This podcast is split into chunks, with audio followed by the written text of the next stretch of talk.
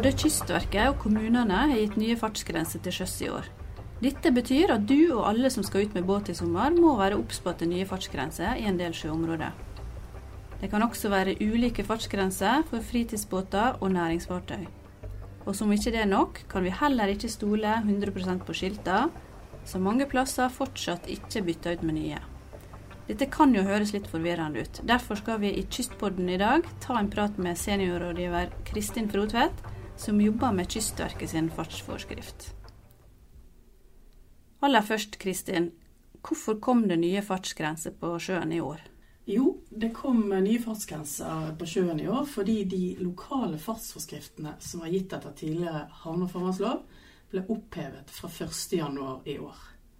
Vi har nemlig fått en ny havne- og farvannslov som gir myndighet til å regulere farten på sjøen til både Kystverket og kommunene nå.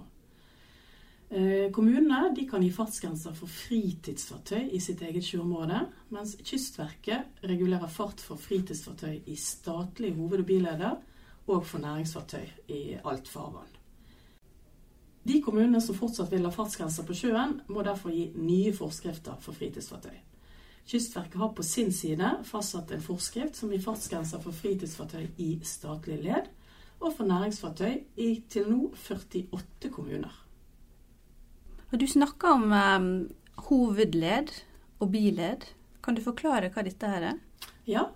Hoved- og biled det er det vi kaller veier til sjøs. Og det er det Kystverket som har ansvar for og myndighet i. Og det er derfor vi som regulerer farten i hoved- og biled. Ja. Men hvorfor er det egentlig um, ulik fartsgrense for fritidsbåter og næringsfartøy? Noen steder så kan det være ulik fartsgrense for næringsfartøy og for fritidsfartøy. Og noen steder så kan det være at det bare gjelder en fartsgrense for fritidsfartøy. Dette er fordi det er forskjell på disse fartøytypene. Ferdsel med næringsfartøy er regulert på en helt annen måte enn fritidsfartøyet. Det stilles omfattende krav til føreren av næringsfartøy, og det finnes også en rekke andre sjøsikkerhetstiltak som er rettet mot disse. Dette er f.eks.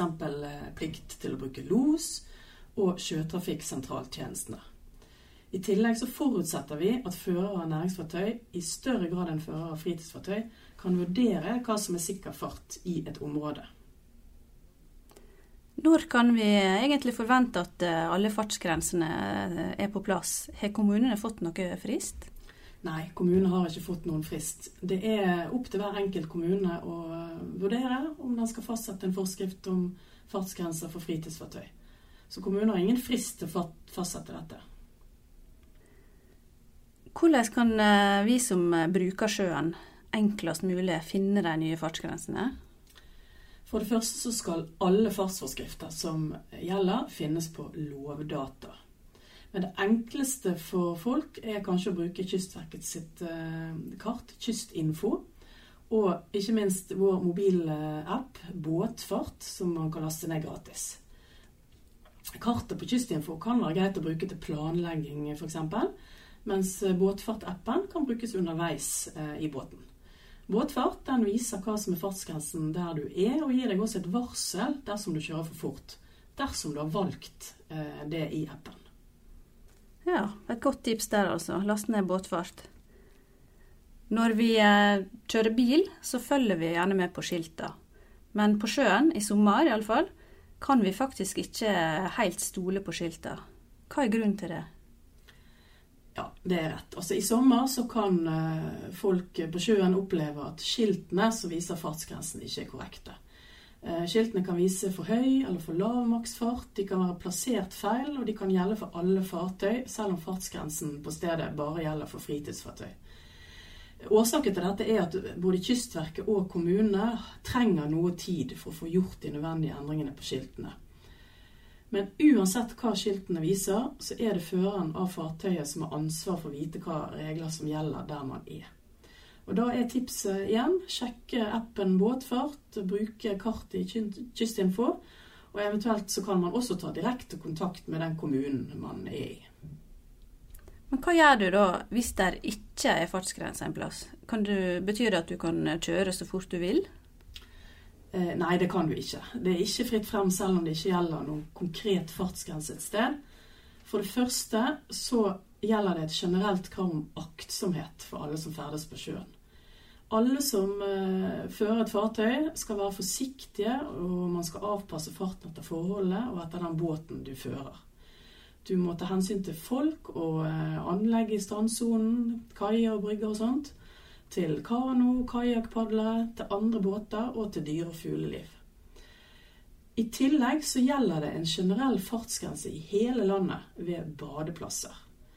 Ehm, den sier at fartøy ikke skal gå med høyere fart enn fem knop innenfor 50 meter fra steder hvor bading pågår. Eller fra disse gule merkebøyene som kan være lagt ut ved noen badeplasser. Eh, du har heller ikke lov til å ankre opp eller ferdes med båt innenfor disse gule merkebøyene. Når det gjelder fart, hva er dine tre beste råd for de som skal bruke sjøen i sommer? Du må sette deg inn i de reglene som gjelder der du ferdes, og last da gjerne ned denne appen Båtfart, som er et godt hjelpemiddel.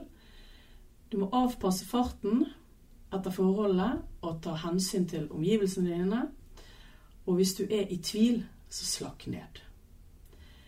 Eh, jeg vil også tipse om eh, nettsiden løftblikket.no.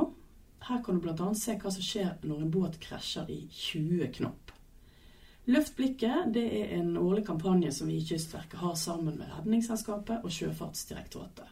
Målet for kampanjen er at alle som ferdes i båt, skal bli flinkere til å ta med bevisste valg, både for sin egen og andres sikkerhet. Å kjenne til og følge fartsgrensene er en viktig del av dette. Da sier vi tusen takk til deg, Kristin Frotvedt. Og husk, er du usikker på hva fartsgrensa er, så eh, var det et godt tips å slakke ned og nyte livet på sjøen.